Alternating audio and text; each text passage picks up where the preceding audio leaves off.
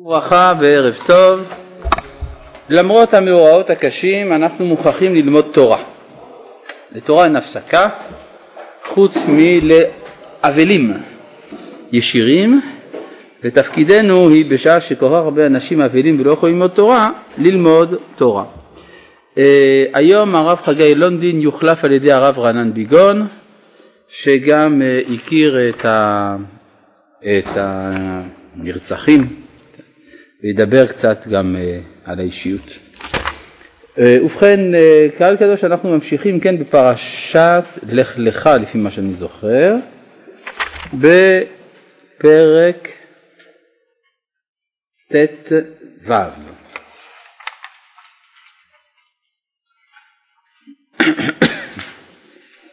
אנחנו בעצם קראנו את הדברים אבל קצת בדילוג.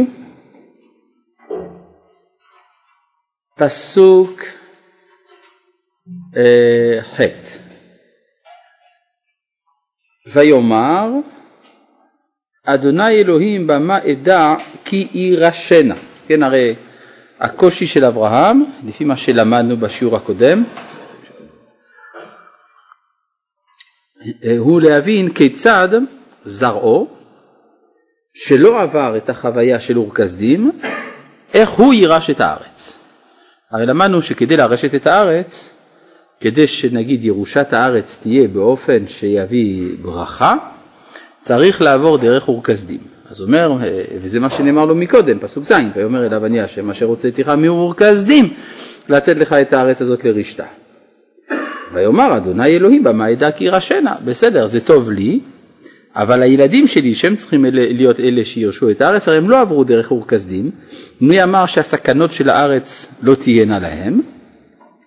אז הוא אומר לו, יש פתרונות, יש תחליפים לאור כסדים. מהם התחליפים לאור כסדים? הגלות. כן, כלומר, אם הם לא עברו דרך אור כסדים, נסדר להם אור כסדים קולקטיבי, שזה למשל גלות מצרים. אז בואו נראה מה נאמר פסוק ט', ויאמר אליו כחלי עגלה משולשת ועז משולשת ועיל משולש ותור וגוזל ויקח לו את כל אלה ויוותר אותם בתווך וייתן איש ביתרו לקראת יעהו ואת הציפור לו בתר וירד העית הפגרים וישב אותם אברהם ויהי השמש לבוא ותרדמה נפלה על אברהם והנה אימה חשיכה גדולה נופלת עליו ואומר לאברהם ידוע תדע. מה זה כל הסיפור הזה של העגלה, העז, עיל, תור וגוזל? אז חז"ל דרשו כנגד ארבע מלכויות. כלומר הקדוש ברוך הוא הודיע לו שתהיינה גלויות, גלות אחת שדומה לעגלה ואחת שדומה לעז ואחת שדומה לעיל ואחת שדומה לתור וגוזל וכדומה. מה הן האומות המכוונות דרך המשלים האלה? יש דעות שונות במדרשים. העגלה יפהפייה מצרים, אומר הנביא, אז העגלה משולשת זו מצרים, כן? אבל יכול להיות גם שהעגלה זה בבל, יש כל מיני דעות. מה שחשוב לענייננו זה שאברהם צפה אם כן היסטוריה שבה יהיו התמודדויות עם הרבה חיות או בהמות, כן? עגלה, עז, עיל, תור וגוזל, אלה הן אומות שיש להן צורה אה, בהמית. מדוע האומות הן בהמות? הרי באומות יש בני אדם, בני אדם זה לא בהמות. אלא שהקולקטיב הוא בהמי, היחיד הוא אנושי. למה הכוונה? היה אה, גוי אחד בשם אה, תומאס הובס, שהוא הסביר את זה יפה, הוא הסביר שה... אה, שהעמים הם דומים לסוג של מפלצת, כן, הוא קרא לזה המדינה, המדינה זה סוג של מפלצת, הוא קרא לה בשם תנ"כי, בשם הלוויתן. מה זה לוויתן? זה סוג של אה, מפלצת תנ"כית קדומה, אה, שיש לה חיוך אה, שטני, וכך צייר אותה הובס בתור איזה מין מפלצת שמורכבת מאלפים רבים של פרצופים אנושיים. כלומר, הצלם אלוהים נמצא בפרט, ואילו הקולקטיב, הישות הפוליטית, היא אה, חייתית, בהמית. והוא הביא, אה, האמת היא, הוא הביא מאמר, הוא אמר מאמר שדומה מאוד למאמר של רבי חנינה סגן הכהנים, במסכת אבות. במסכת אבות נאמר, רבי חנינא סגן הכהנים אומר, הווה מתפלל בשלומה של מלכות, שאלמלא מוראה איש את רעהו חיים בלעו. עכשיו, אה, אז אותו רעיון גם כן אה, אומר הובס, המלכות זה מה שמציל את בני האדם מלהיות חיות, והוא מביא לזה ראייה. הוא אומר שהמלכויות בעצמן, המדינות, אין מלכות, מורה מלכות מעליהן, ולכן הן בולעות אחת את השנייה. אז לכן אה, אפשר לומר שהקולקטיב, המדינה, זה נחשב לסוג של בהמה, ואילו היחיד הוא זה שהוא בעל המוסר.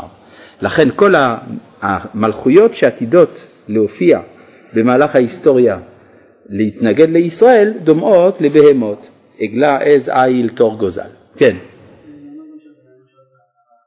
שמה ש? זה אומר שהבהמה שולטת על האדם, בדיוק. זאת אומרת, המדינה חזקה יותר מן היחיד. כן? למשל אצל אומות העולם, הרבה פעמים מדברים שהמוסריות זה משהו שהיחיד מפתח לעומת האכזריות של הקולקטיב. אבל בסופו של דבר מי חזק יותר? המדינה חזקה יותר. העולם הוא אכזרי. כן, הרעיון שמדינה יכולה להיות ביטוי של מוסר, וממילא של צלם אלוהים, זה רעיון זר אצל האומות. ואילו אצלנו בספר דניאל אנחנו רואים שאחרי ארבע החיות שמתארות את המלכויות מופיעה מלכות חמישית בצורת אדם. כן? וזה מלכות המשיח שהיא אנושית בקולקטיביותה. אה, אבל בכל מקרה זה מה שהולך להיות, אבל ויוותר אותם בתווך, כן. זה אומר שהיום נגיד אנחנו נמצאים במצב שהכלל הוא בהמי או של בהמי. נכון. זהו, עם ישראל הוא מביא את הבשורה הזאת. עם ישראל מביא בשורה. הבשורה של עם ישראל זה שפוליטיקה יכולה להיות מוסרית, אבל צריך להוכיח את זה. אז עם ישראל הוא ההוכחה לזה. כן? כלומר שאנחנו מדינה שהיא מוסרית בקולקטיב. כן? ומתוך כך האומות גם לומדות. כלומר אנחנו בונים כאן דגם לייצוא. שילמד בעולם כולו. במהרה בימינו אמן. טוב, מה?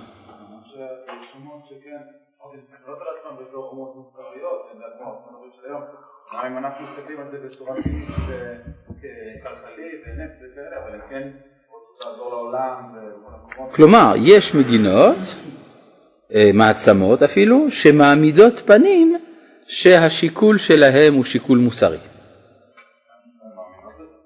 כן? אולי אפילו מצליחות לשכנע את עצמן בזה. כן. אבל ברגע שהגיעו להסכמה עם קדאפי בעניין הנפט, פתאום הפסיקו לדרוש את התפטרותו. עובדה, כן? כן, ברור. כשהעיראקים פלשו לכווית, כל העולם נזעק כדי להציל את המדינה המסכנה, כשהם פלשו לכורדיסטן, אף אחד לא זז. בכורדיסטן אין נפט. אה, בכל זאת, זה מעלה לי שאלות לגבי השימוש בטיעון המוסרי. אני פעם חשבתי שכדאי לכנות, לשנות את השם של יהודה ושומרון לכורדיסטן, ואז יפסיקו לעשות לנו בעיות. כן? זה גם אפשרות, נכון? טוב. אה, בכלל, זה גמרא, יש גמרא על זה, במסכת עבודה זרה, שהגויים לעתיד לבוא באים לבקש מהקדוש ברוך הוא שכר.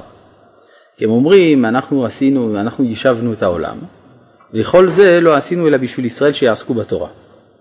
עכשיו השאלה אם הטענה הזאת של האומות שהם יישבו את העולם כדי שישראל יעסקו בתורה היא טענה נכונה או לא. מה אתה אומר? הגמרא לא אומרת שזה לא נכון. הטענה היא טענה נכונה. כלומר, אי אפשר שהתורה תינתן בעולם, אה, בעולם פרימיטיבי. אז היה צריך שמישהו ידאג לפיתוח של הציוויליזציה. של הטכנולוגיה, אז אומות העולם אומרים, ריבונו של עולם, אתה רצית תורה, נתת אותה לעם ישראל. בסדר, אנחנו יצרנו את הרקע הנותן משמעות לתורה הזאת. בסדר, זו טענה אמיתית, ולכן באים אומות העולם ודורשים את שכרם על זה שהם עסקו בתורה. כן? מה עונה להם הקדוש ברוך הוא? שוטים שבעולם, כל מה שעשיתם לצורך עצמכם עשיתם. כלומר, זה לא שזה לא נכון שמה שעשיתם זה באמת בשביל שישראל יעסקו בתורה, רק אצלכם הכוונה התהפכה. זאת אומרת, שיש בראשית כל התנועות האנושיות הגדולות, האימפריות הגדולות, המהפכות הגדולות, יש כוונה אוניברסלית, אמיתית, בהתחלה. אבל מהר היא מתבררת כסוג של אימפריאליזם. כן? למשל, אה, הייתה מהפכה לפני קצת יותר מ-200 שנה באחת המדינות הברבריות של אירופה, והם קראו לזה המהפכה האוניברסלית. והם באו בשם שלושה יסודות, השוויון, החירות, השוויון והאחווה, והם סיפרו שהם באים לגאול את כל העולם מהעול של העריצים. כן, ככה הם עשו. הם אפילו ערפו את המלך וכולי. ותוך עשרים שנה זה הפך להיות אימפריאליזם שהשתלט בצורה ברוטלית מאוד על כל אירופה. שמעת על אה, נפוליאון, כן, כן.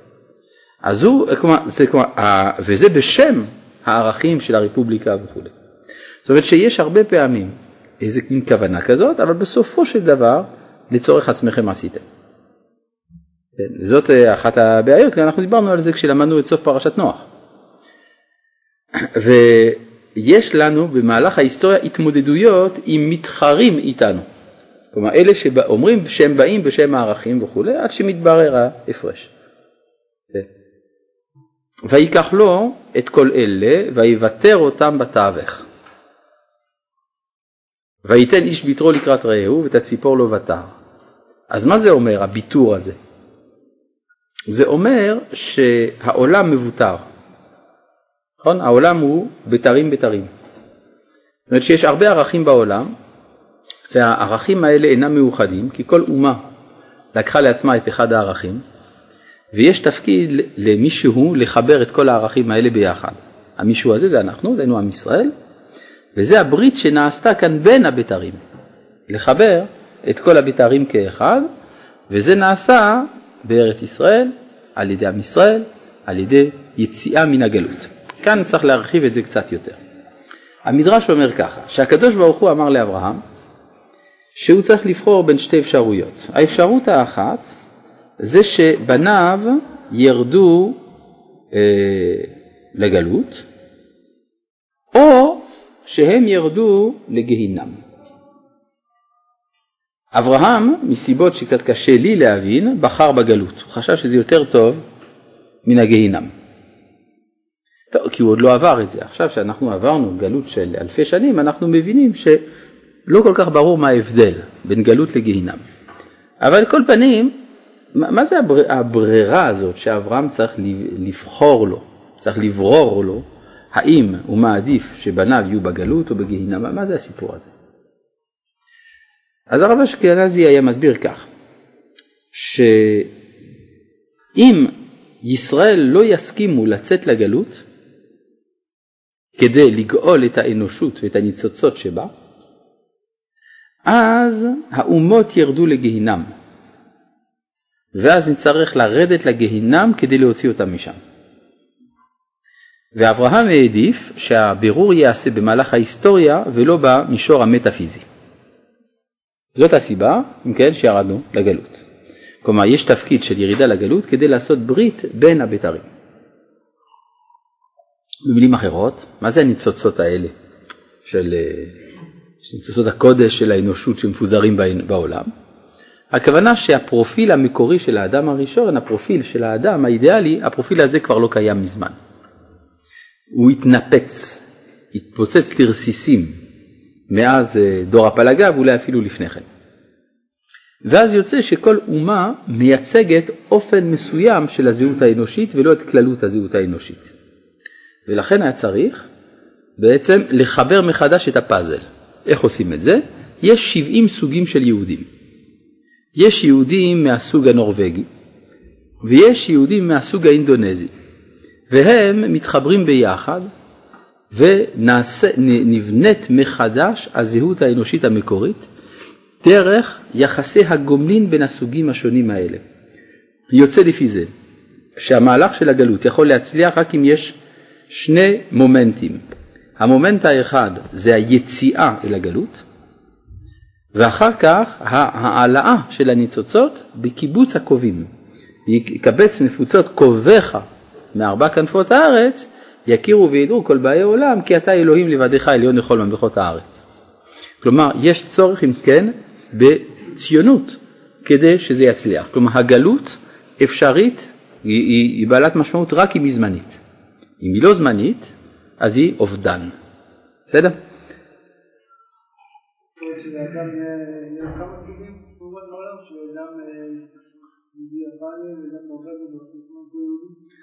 כן, יש כל מיני אופציות, כן? איך אפשר להיות כמה סוגים של יהודים, כן, או של בני אדם, יש כל מיני אפשרויות. אתה לוקח את כל סוגי האנשים שיש בעולם, מערבב היטב, לש, יוצא לך יהודי. כן, ברור. כן. יוצא לפי זה שהגלות זה משהו בילט אין. כן, בילט אין או בלתי נמנע, תלוי איך אתה רוצה להעריך את המילה או לקצר אותה. מה?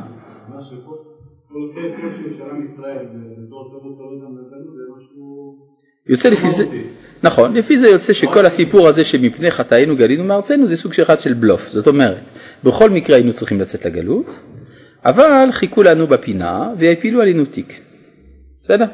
כי זה לא יפה להוציא אדם לגלות אם הוא לא חטא, לכן באמת מפני חטאינו גלינו מארצנו. אבל זה היה אפשר מפני חטאינו כל מיני דברים אחרים, דווקא הגלות. כנראה שזה מה שציפו מאיתנו. כן?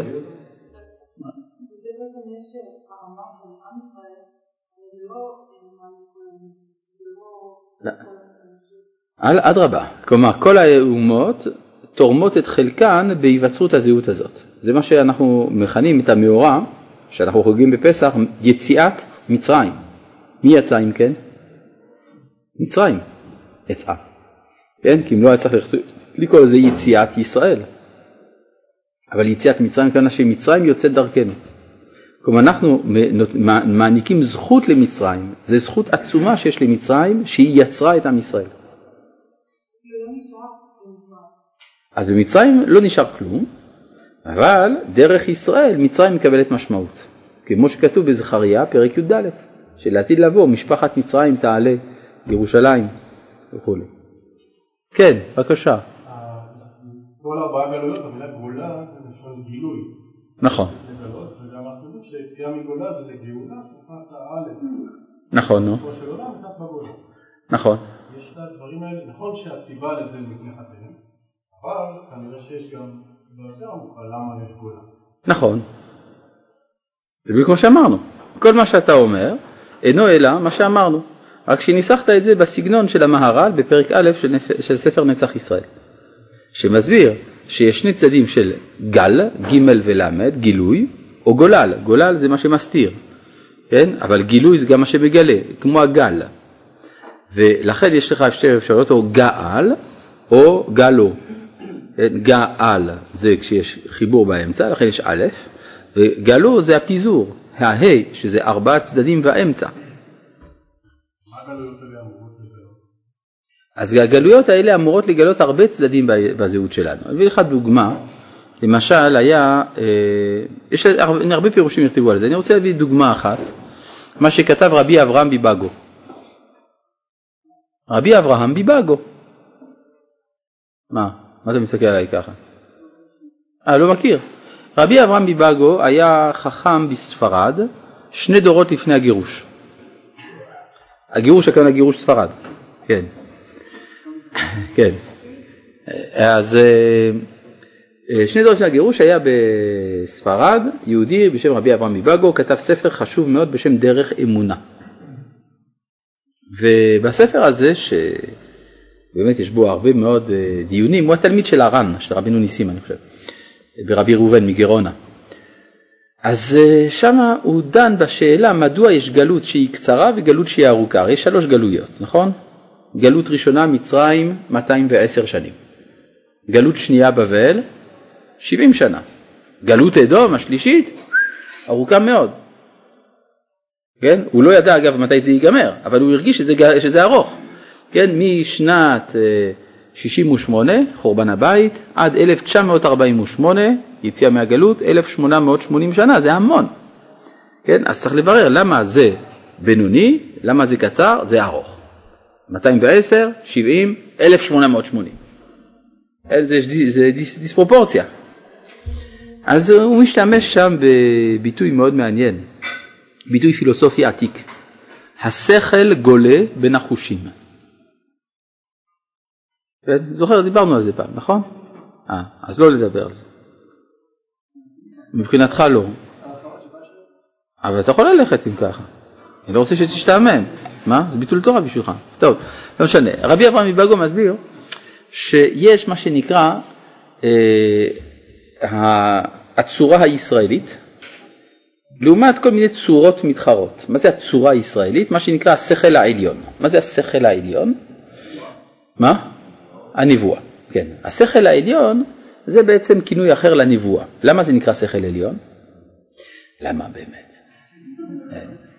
זה נקרא שכל עליון כי זה אובייקטיבי, כי זה בא מלמעלה. כלומר, כל הכרה שכלית שבעולם היא סובייקטיבית. כלומר, אה, אני מושפע מהנתונים, מה, מה, מהמבנה של הנפש שלי וכולי, מהגוף, כל מיני דברים שמשפיעים עליי בתפיסת האמת, אז אני אפילו לא יכול לדעת אם מה שאני תופס כאמת זה באמת אמת. מה שאין כן הנבואה, כיוון שהיא הטרונומית, היא באה מלמעלה, היא השכל העליון. בסדר? עכשיו, כדי שהשכל העליון יתברר, הוא צריך להתמודד עם תרבויות שבאות בשם אה, ערכים מתחרים לשכל העליון. ואז יש לנו שלוש תרבויות כאלה. יש לנו תרבות אחת של מצרים שהיא תרבות החושים וזה לוקח 210 שנים לראות את ההבדל בין השכל העליון, דהיינו הנבואה, לבין הכשפים של מצרים. עכשיו מה זה הכישוף של מצרים? מה זה החרטומים? זה המודעות העמוקה, הרצינית, לעוצמת החוש. כן, בעצם אפשר לומר שמצרים העתיקה הייתה הביטוי המזוקק לתרבות האפריקאית. התרבות האפריקאית מודעת מאוד לעוצמת החיים שיש בדומם, שיש בכוחות החיים וכו'. וזה קיבל צורה משוכללת במצרים, וזה בעצם התוכן התרבותי הזה טען לעליונות על פני כל תוכן אה, אנושי אחר. כשבא משה להתמודד עם אה, חרטומי מצרים, הוא מתנהג כמוהם. הופך מטה לנחש, דם צפרדע. הגמרא מספרת שכאשר הוא בא לפני חרטומי מצרים והם ראו אותו הופך את המטה לנחש, אמרו לו מה אתה עושה צחוק? זה אנחנו עושים בסמסטר ראשון. כן? תבן אתה מביא לעפריים, איזה... כן? ומתי הם התחילו קצת להתקרר? כשהם ראו שמשה גם עושה את הקינים. הקינים, הקינים זה אנחנו לא יודעים. למה? כי אין השד שולט בבריאה שהיא קטנה משעורה. אבל למה משה מתחיל עם, עם כזה דבר? הקדוש ברוך הוא שולח אותו לעשות, להפוך מטה לנחש, להפוך את המים לדם, להוציא את הצפרדע מן היאור, כי אדרבה, הוא מתחיל מהקומה שבה הוא משתווה איתם כדי שייתפס מהו ההבדל, כדי שיגיעו לנקודת השבר. כאשר הנקודה הזאת התבררה היה אפשר לצאת ממצרים אחרי 210 שנים. זה אה, הזמן שזה לוקח להשתחרר מזה. לעומת זה יש קליפה אחרת, אפשר לומר מתחרה אחר, שזה הרבה יותר קל להתמודד איתו, וזה הדמיון, לעומת החוש הדמיון.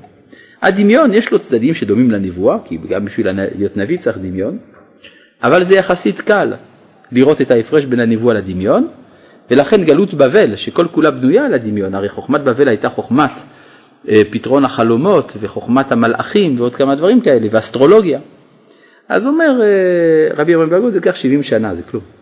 שליש ממצרים. זה הרבה יותר קל להתמודד. אבל בגלות אדום, שהוא הגלות שבו אנחנו נמצאים, הוא מתכוון לימיו, של רבי אברהם מבגו, הוא אומר שמה זה הרבה יותר קשה. למה? כי המתחרה הוא הרבה יותר קרוב, הוא הרבה יותר דומה לנבואה. והוא קורא לו בשם, שימו לב לשם שהוא נותן לזה, החוש התבוני. זה חוש תבוני. זה הפילוסופיה. כלומר, אף על פי שזה באמת נראה כתבונה, באמת אין זה אלא חוש. אבל זה לוקח זמן לברר את זה. וכל זמן שזה לא יתברר, תימשך גלות אדום. ככה הוא אומר. מעניין שהוא כותב את זה כמה מאות שנים לפני המהפכה הקנטיאנית. המהפכה הקנטיאנית באה לברר את זה, הרי מה עשה עמנואל קאנט? מה החידוש הגדול של קאנט בפילוסופיה? הוא שאל שאלה פשוטה, לפני שאני חושב, אני רוצה לדעת איך חושבים. כן, מה הלגיטימיות של המחשבה? שם, יש לזה שם יפה, אפיסטמולוגיה. כן? רוצה לדעת מה זה המחשבה של המחשבה, האם יש היגיון לעצם זה, העובדה שאני חושב, כלומר האם יש לגיטימיות לפילוסופיה. אחרי כמה מאות עמודים מגיע למסקנה, אין. מדוע? משום שכל הכרה שכלית מקורה בחושים ולכן היא סובייקטיבית. ובזה התמוטטה הפילוסופיה לחלוטין ומאז קאנט היא לא השתקמה. זאת אומרת שזה מה שאומר רבי אברהם מבגו, כאשר יתברר שהחוש התבוני הוא רק חוש, אז נוכל לצאת מן הגלות. ואכן, מיד בסוף ימיו של קאנט התחיל הרעיון הציוני. איך? דרך נפוליאון, דיברנו עליו מקודם, כן? שהוא, כאשר הגיע לארץ ישראל, יצא בקריאה אל היהודים להקים מדינה. זה לא האריך הרבה זמן, אבל הייתה קריאה כזאת. ואחר כך היו דורשי ציון, והייתה אמנציפציה של הס וכולי וכולי, עד שהגיעו בסוף לחובבי ציון ואחר כך לציונות ההרצליאנית. כלומר, ברגע שהקליפה מתבררת אפשר לצאת. זאת אומרת שיש פה, למה, לא, למה, למה אני הבאתי את כל זה? כדי להראות שיש כל מיני סוגי גלויות, והגלויות באות לברר מי אנחנו. כשזה מתברר אפשר לצאת. כן, אבל זה לוקח הרבה זמן, אומר, החוש התבוני הזה נכבד ביותר, ולכן לוקח הרבה זמן. כן, בבקשה. לפי זה קאנט הוא זה שבירר את הבירור ולא ישראל, נכון. זאת אומרת, הוא רק הפיל את הקליפה, אבל הוא לא הראה את הנבואה. הנבואה זה אנחנו צריכים לעשות. אז כדי להשיב את הנבואה אל כנה, אנחנו צריכים לבנות את התרבות הנבואית. לבנות את התרבות הנבואית זה לוקח זמן, אנחנו עסוקים בזה. כן. בגלות הראשונה של מצרים, אז משה הוא זה שמראה את ההבדל. ובגלות בבל זה היה דניאל שראה את ההבדל, נכון. ובגלות אה, אדום, אחרי היציאה של גלות אדום, מי שמראה את ההבדל זה הנביא שלנו. אני לא מכיר אותו, אבל הוא יבוא. כשיתברר, יתברר. בסדר? האם קאנט הושפע ממשהו יהודי? הייתי מת למצוא משהו כזה. מה אני אעשה? אולי, תראה, הוא אומר שהאינטואיציה המקורית לכל השיטה שלו זה מדייוויד יום, אבל דיוויד יום, או מלבד שם יהודי, הוא לא היה יהודי. זה קצת לא, לא עובד. כן. כן.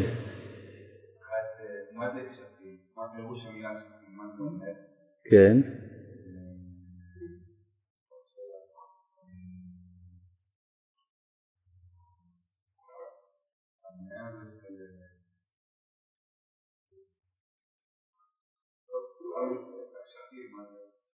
מה פירוש המילה?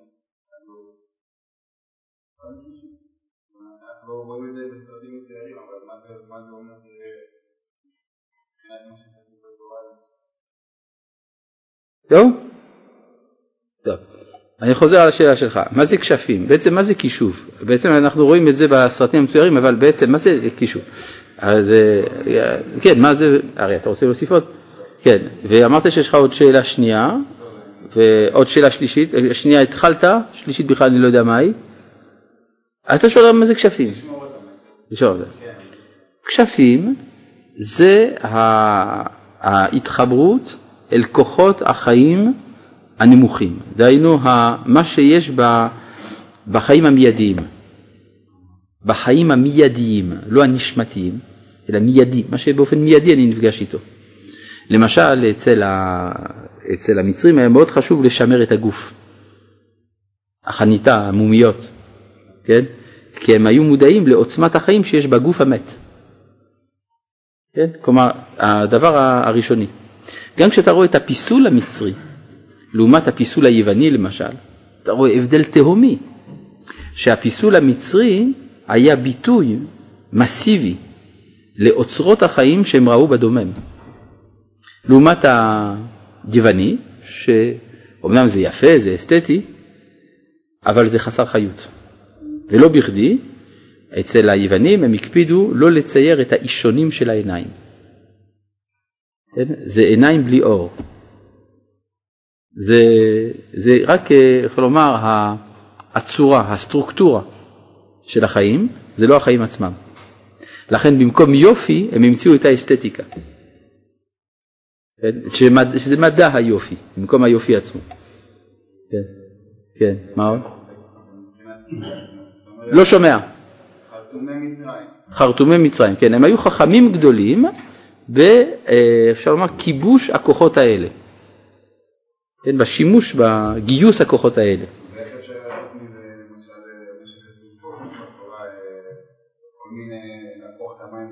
איך אפשר מזה להפוך מים לדם? אין לי שום מושג, אף פעם לא הייתי חרטום. כן. אבל אם הייתי לומד, אם הייתי לומד קצת באוניברסיטה של חרטום, אז הייתי אולי יודע. כן. אפשר להגיד שהכישוף זה בעולם הטבע ושהמומיות שהמצרים בנו זה כדי לשמר את הגוף, אנחנו יודעים שיש צדיקים. כן, כן, ברור, הם עושים את זה בטכניקה. אז הם רצו כאילו את הגוף לשמר כדי שהנשמה גם כביכול. נכון, בדיוק. כן. איזה כוחות חיים יש בגוף מת? אף פעם לא עסקת בחניתה של מומיות, אז את לא יודעת. כן, אבל עובדה שהם עשו את זה, והם עשו את זה בטכניקות ששימרו את המומיות עד עצם היום הזה, ארבעת אלפים שנה. זה משהו שיגעון עצום. עד היום הזה לא הצליחו לשחזר את הטכניקה של יצירת הצבעים שלהם. הצבע של הפרסקות שלהם בפירמידות זה צבע שלא מתקלקל, שלא משתנה. לא הצליחו, עד היום הזה לא הצליחו לייצר כזה דבר. המידע הזה הלך לאיבוד. יודעים קצת כמה דברים פה ושם. אז מה? זה מאוד מעניין. מה? מה אתה רוצה להגיד בזה? מה זה מוסיף? אני לא מבין למה אתה אומר את זה. האם יוסף ביקש שיחנתו אותו? לא, מעולם לא ביקש שיחנתו אותו. למה חנתו אותו? נו תגיד אתה. על כל דבר צריך להסביר. טוב. אה, עכשיו, אז אני חוזר פה לנושא של ברית בין הבתרים, שיש תפקיד לגלות, שזה העלאת הניצוצות, בירור הצורה של ישראל, ומתוך כך הקרנה לעולם. פסוק י"ב: ויהי השמש לבוא. מה זה? כן, מה? נכון.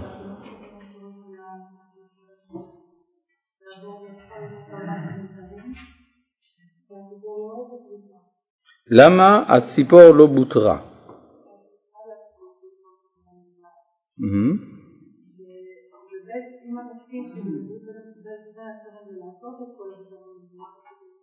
נכון.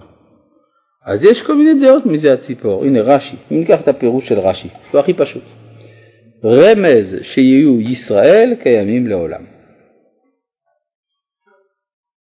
דוגמה. כן? כן. מה? הציפור, מה זה הציפור? זה תור וגוזל, זה ציפורים, נכון? כן, ציפור זה מה שנקרא שם קיבוצי בדקדוק. כן, ויהי לי שור וחמור, צאן ועבד ושפחה. אז כמה שברים היו לו ליעקב? שור אחד? חמור אחד? היה כוונה הרבה שברים. והציפור, כל מה, שצי, כל מה שעף, לא בתר. פסוק י"ב אגב, מי שרוצה פרטים על הציפור ולמה תור וגוזל וכולי, אז יש על זה בספר גבורות השם של המהר"ל, הוא מביא את כל המדרשים שנאמרו על זה, מפרש אותם אחד אחד. כל מיני אופציות, לכן בכוונה אני לא מביא כי אפשר ל... טוב, פסוק י"ב ויהי השמש לבוא. שאלה, עד עכשיו מה זה היה? אם השמש באה, סימן שעד עכשיו זה היה? יום או לילה? יום... זאת אומרת, השמש שקעה. כן, באה השמש זה שקיעה, סימן שלפני כן היה יום, יפה. עכשיו, מה כתוב בפסוק ה'? ויוצא אותו החוצה ויאמר הבדנה שמיים ההוא ספור הכוכבים. סימן שזה היה?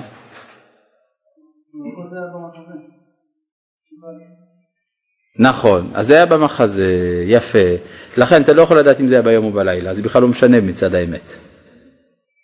זה היה מתי שזה היה, והוא ראה בחזונו גם את הכוכבים וגם הוא ראה את השמש שוקעת. ומה המשמעות, אם כן, שויהי השמש לבוא? זה חלק מן המחזה. שזה אומר ששוקעת השמש של ישראל, אז יש הגלויות. והנה, אימה, חשיכה גדולה נופלת עליו. פתאום טראח. כן? מה? מה זה?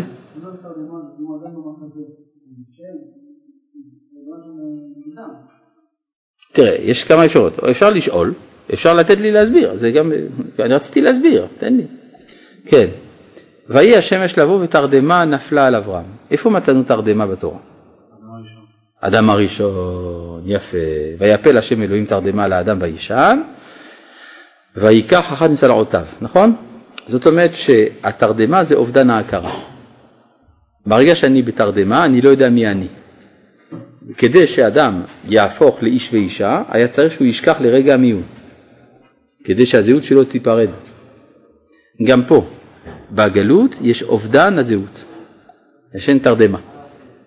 והתרדמה הזאת באה לידי ביטוי בארבעה אופנים, אימה, חשיכה, גדולה ונופלת. כנגד, תודה רבה, ארבע מלכויות. ויאמר לאברהם, והתוצאה היא, ויאמר לאברהם, ידוע תדע, כגר יהיה זרעך בארץ עוליים. למה כתוב ידוע וגם תדע?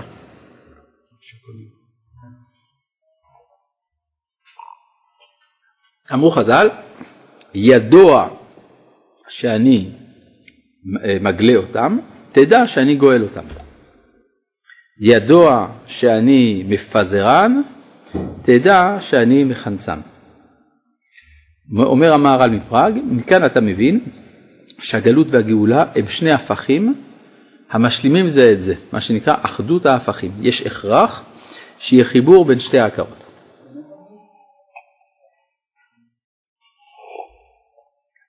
כך הוא מסביר בנצח ישראל, בפרק א'. בכלל, המהר"ל שם בפרק א' מסביר לנו מה זה גלות. והוא נותן שלושה מאפיינים של הגלות, של הגדרת הגלות. ולפי זה גם יש לנו שלושה מאפיינים של הגאולה. עכשיו, מה הם שלושת המאפיינים של הגלות לפי המהר"ל? א', שאנחנו לא במקומנו, שאנחנו מפוזרים ושאנחנו משועבדים. זה שלושת הדברים שמגדירים מצב כגלות. אתה מחוץ למקומך, מפוזר ומשועבד. לפי זה מה זה הגאולה? שאתה במקומך, מכונס ועצמאי. זה הגדרה של גאולה. מה אין כאן? שום מרכיב דתי או מיסטי לגאולה. ההגדרה של הגאולה היא הגדרה גיאופוליטית, סוציולוגית. אתה או משועבד או עצמאי, או במקומך או שלא במקומך. גיאוגרפית. כן, מה אתה רוצה? אה, אחרית הימים זה היציאה. כל פעם שיוצאים מגלות זה נקרא אחרית ימים. אז יש הרבה אחרית ימים בהיסטוריה. ואחרית הימים האחרונה גם נקראת קץ. כן, בבקשה. אפשר להגיד שמשועבד זה משהו שהוא לכאורה נגיד, אנחנו עכשיו נגיד לא עצמאים, אנחנו משועבדים לתרבויות אחרות וכל עוד אין את הדת אולי אז אנחנו עדיין משועבדים לנושאים. כפי שאתה אומר בצדק, הנוצרים אומרים שעבדות וחירות זה מושגים דתיים ולא פוליטיים. דהיינו, אה, אם אתה משוחרר מן החטא, אתה נגאל. אם אתה משועבד אל החטא, אתה בשעבוד. כן, זה, כן, זה דת הנצרות, נכון, כפי שציינת בצדק. והרי הגמרא אומרת במפורש שהסיבה שלא אומרים הלל בפורים זה בגלל שבהלל נאמר הללויה הללו עבדי השם. ואי אפשר להיות עבדי השם, אי אפשר לקרוא לנו עבדי השם כשאנחנו עבדי אחשורוש. והרי בסיומו של הסיפור של פורים נשארנו עבדי אחשורוש. אז אם כן לא היינו עבדי השם, למרות שקיימו וקיבלו היהודים ו- וקיבלו את התורה מרצון וכל מה שאתה רוצה. מה? לא, כי הגמרא אומרת שמה הללויה, הללו, הללו עבדי השם ולא עבדי פרעה. כלומר ברגע שפרעה אמר שאנחנו יכולים לצאת, מאותה שעה נהיינו עבדי השם. למרות שהיינו אז עובדי עבודה זרה, מגלי עריות ושופכי דמים. כן? כלומר אנחנו חוגגים באמירת ההלל בפסח את יציאתם לחירות של 60 ריבו עובדי עבודה זרה. ברור? מה? כל כך מובן, יש את החוק אומר שהאדם יכול להיות בעצם בן חורין אבל הוא יש לו רוח של עבד והפוך. כן כן ברור אבל זה לא קשור לאומה אנחנו מדברים עכשיו על גאולת האומה ושעבוד האומה. גם הרוח של האומה לכאורה יכול לא לא לא לא זה שום דבר ברגע שרוח האומה משועבד זה אומנם מצער אבל זה לא נקרא אה, זה, זה לא נקרא אה, גלות. אני אביא לך דוגמה הרמב"ם בעצמו כותב בהלכות חנוכה שבעקבות הניצחון של החשמונאים חזרה מלכות לישראל. יתר על 200 שנה ולכן אומרים את ההלל ועושים את חג החנוכה וכולי. כן? רק שבמשך אותם 200 שנה מי שמלך בישראל היו גדולי השודדים של ההיסטוריה שלנו. כן? ינאי, אריסטובלוס, אה, אה, הורדוס, ארכלאוס, אגריפס, כל, ה, כל הדפוקים. הם אלה שמלכו. ואתה אומר, חזרה מלכות לישראל יותר על 200 שנה. כן, מה אתה אומר? אתה שואל עכשיו שאלה פוליטית. מהי ההגדרה של עצמאות פוליטית? למשל, כשיש לחצים, לחצים של מעצמות, שרוצים לקבוע לנו את האג'נדה הפוליטית שלנו, אז זה סימן שאנחנו לא עצמאים פוליטית. זו השאלה שלך? כן? תשובה, לא נכון. ואני אסביר לך למה. בגלל שעצמאות מדינית אין פירושו שאתה לא נתון ללחצים. שהרי אם לא כך, הרי מעולם לא הייתה מדינה בהיסטוריה העצמאית, כי מעולם לא הייתה מדינה שלא הזדקקה למדינות האחרות ולא עמדה בלחצים של מדינות אחרות. חוץ מרומא באיזושהי תקופה. מה? מלכות שלמה ודאי, שלמה היה זקוק לזהב של מצרים, לסוסים, לזהב של אופיר, לסוסים של מצרים, לעצים של הלבנון, קיצור. אה, זה גם קבע לו את האג'נדה הפוליטית. זאת אומרת שלמשל אה, כשהוא נתן את, הוא לקח את בת פרעה ונתן לה את גזר בתור נדוניה, זה בגלל שבעצם זה פרעה לא סליחה, זה פרעה נתן את גזר בתור נדוניה, כי בעצם אה, שלמה לא הצליח לכבוש את גזר. כן? זאת אומרת, בקיצור, היה צורך גם בבריתות פוליטיות וכו'. אבל ההגדרה של מלכות לפי ההלכה היא כל גוף שעונה על שני הדברים של מונופול על הכוח הצבאי ועל קביעת המטבע. כן? זה רמב"ם מפורש בהלכות גזלה. בסדר? פרק אה, י"א נדמה לי. אה, אז אם כן, ברוך השם, אנחנו עצמאים, וזאת הסיבה גם שאנחנו אומרים הלל ביום העצמאות, על עצמאותנו. יש אפילו הוכחה שאנחנו עצמאים, שהרי היום שבו אנחנו מציינים את העצמאות נקרא יום העצמאות. סימן שאנחנו עצמאים. טוב. אה, ויאמר לאברהם ידוע תדע כי ארי זרעך בארץ לא להם ועבדום ועינו אותם ארבע מאות שנה וגם את הגוי אשר יעבדו דן אנוכי ואחרי כן יצאו בחוש גדול ואתה תבוא לאבותיך בשלום תקרב בשיבה טובה ודור רביעי ישובו הנה כי לא שלם עוון האמורי עד הנה פירוש הדבר שהגלות היא המקנה את הזכות על הארץ. ועבדום ועינו אותם. אנחנו, גר יהיה זרעך ועבדום ועינו אותם. מצאנו במצרים שלוש קבוצות. רוב העם במצרים היה גם גר וגם משועבד. התוצאה הייתה שכאשר יצאנו ממצרים, העם שהיה משועבד וגר זכה לארץ ישראל. הייתה קבוצה שנייה, שבט לוי. שבט לוי היו גרים בארץ מצרים, אבל לא השתעבדו. התוצאה, נכנסו לארץ, אבל לא נחלו בה נחלה. קבוצה שלישית, אדם אחד, משה. גם גר הוא לא היה במצרים. איש מצרי הצילנו מיד הרועים. לכן הוא גם לארץ לא נכנס. הולך ביחד. דווקא זה היום היורצייט שלו היום. כן. זאת אומרת שיש פה תנאים. מה אם אתה עובר את כור הצירוף של הגלות, אז אתה יכול להיכנס לארץ ולנחול בנחלה. זה מה שכתוב כאן. ועבדו ועינו אותם 400 שנה, ודור רביעי ישובו הנה. עכשיו, אני רוצה להתמקד קצת בפסוק י"ד. מה? בבקשה.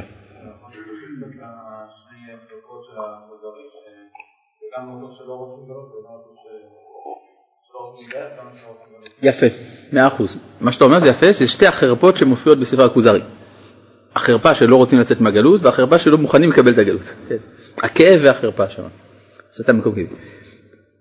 עכשיו, בפסוק י"ד יש משהו שצריך להתבונן בו. וגם את הגוי אשר יעבוד הוא דן אנוכי ואחרי כן יצאו ברכוש גדול. אם אני מתרגם היטב את מה שאנחנו קוראים פה, יוצא ככה, אברהם יקירי, רציתי להגיד לך שהילדים שלך יסבלו.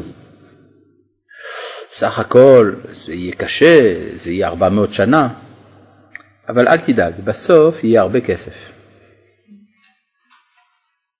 זה מה שכתוב, לא? הרי יורדים לגלות, יוצאים מהגלות. אה? זה שעולה וזה שיורד, בשביל מה? כן, גם לרדת, גם לעלות. אפשר פה. אבל מה, יש רווח. מהו הרווח? רכוש גדול. מפורש. מה זה אומר? זה אומר שירדנו לגלות בשביל לעשות כסף. וכאן אני שואל, האם זה באמת יתקיים? הרי כתוב במפורש שמדוע הקדוש ברוך הוא הביא את פרעה לרדוף אחרי בני ישראל? כדי שתהיה ביזת הים, כדי שלא יאמר אותו צדיק, ועבדום ועינו אותם קיימת בהם, רכוש גדול לא קיימת. אז כך צריך להטביע את המצרים בים, כדי שיקחו את הביזה וכולי וכולי. פשוט לא יאומן הסיפור הזה. כן? מה, מה זה הסיפור הזה? אגב, באמת, בני ישראל לפני שיצאו ממצרים גם כן, שאלו איש מת רעהו, אישה מת גרת ביתה וכולי. כלי כסף וכלי זהב ושמלות. ישראל יוצאים ממצרים, יש להם כיסים מלאים בכלי זהב וכסף. גם החמורים מן הסתם, עם כל הערימות האלה של הזהב והכסף.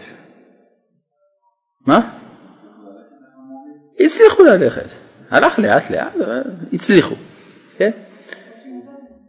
אה? מצות. לא, לא, לא, לא, לא.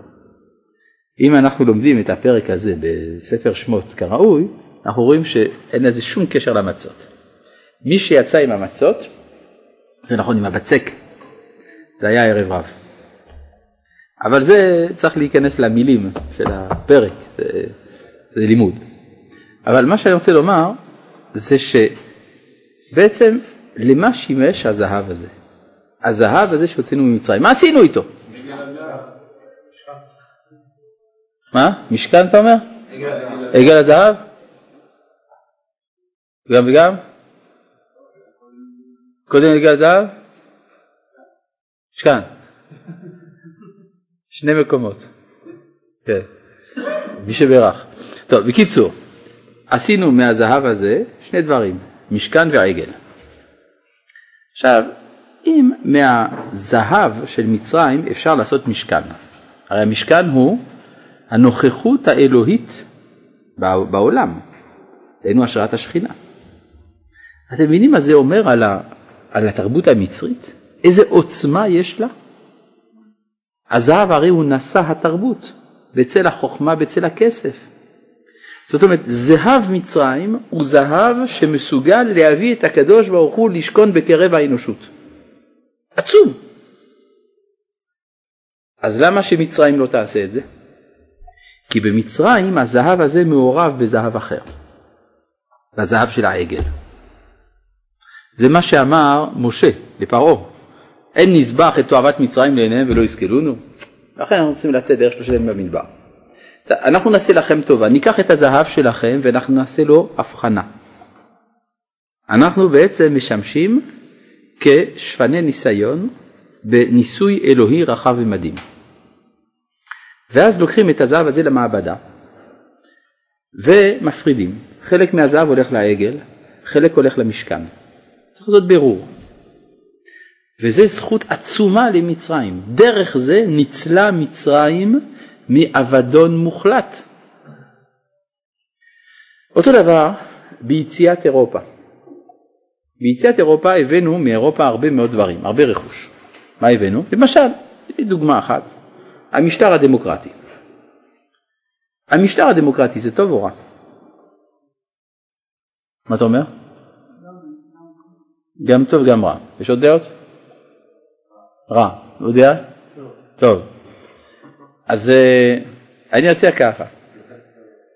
מה שטוב, מה שיישאר מן המשטר הדמוקרטי בהיסטוריה זה מה שעם ישראל ישמר ממנו.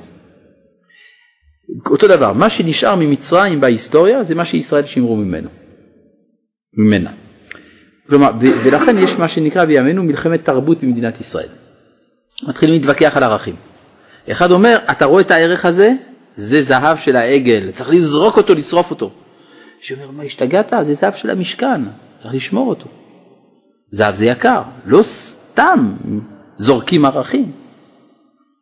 כלומר, יש פה מלחמה מאוד מאוד צמודה, מלחמת התרבות, לברר מה שייך, מה לא שייך. אבל בסופו של דבר זה הרכוש הגדול שיוצא ממצרים, יוצא מאירופה, יוצא מכל הגלויות, מכל גלות אנחנו מביאים משהו, ובזכותנו האומות האלה יש להם חלק בנצח. כי הרי מה נותר ממצרים הקדומה? פירמידות זה לא שארית חיה. נשאר עם ישראל, זה אנחנו. נא להכיר, אנחנו המצרים האחרונים. כלומר, מצרים הטביעה בנו את צורתה. בתור שלילה אפילו, כן? זה תשליל. אבל זה לא סתם להיות התשליל שמוליד את עם ישראל, הנגטיב בעברית. זאת אומרת, אם אתה רוצה לדעת מה זה מצרים העתיקה, תיקח את עם ישראל, תעשה הפוך, אתה מקבל את מצרים. אז אם כן, זו תבנית, משהו גדול. כן? וכל מה שנשאר ממצרים העתיקה זה מה שאנחנו חווים כאומה בתוכנו. דוגמה מפורסמת שאני רגיל להביא, הנחת התפילין, כן? אנחנו האומה האחרונה שעדיין מניחה תפילין. בעוד שהמצרים הקדומים, אצלם זה מה שהמלכים היו שמים, נכון? הרי כל אחד שראה אה, תמונות, אה, כלומר פסלים של אה, פרעונים, רואה שבמקום של תפילין של ראש הם מניחים שם נחש קטן, נכון? תכשיט כזה, נכון, התותפת, תן תותפת בצורה של נחש. והתורה המירה את הנחש לתפילין. יש לזה סיבות, מדוע הם עושים נחש, מדוע אנחנו עושים תפילין, מדוע אצלם זה עגול, אצלנו זה מרובע. יש לזה סיבות, זה כתגובה. אבל בעצם הרעיון לשמר תכשיט מצרי זה רעיון ישראלי. כן, מה אתה אומר? יש גם נחש אה, אבל אה, התשליל של ישראל זה לא עמלק? התשליל של ישראל זה לא עמלק. עמלק זה הניגוד, זה הקצה האחר. יש כמה אופנים להיות ההפך של ישראל. יענה כבודו בספר נצח ישראל, שהוא מדבר על כמה סוגים של ראשית. יש ראשית גויים עמלק, ויח כל בכור במצרים, ראשית עונים בעולי חם, כן, קודש ישראל השם ראשית תבואתו, אז ראשית לאיזה עניין, כל פעם לעניין אחר. כן, טוב, עד כאן להיום, שלום.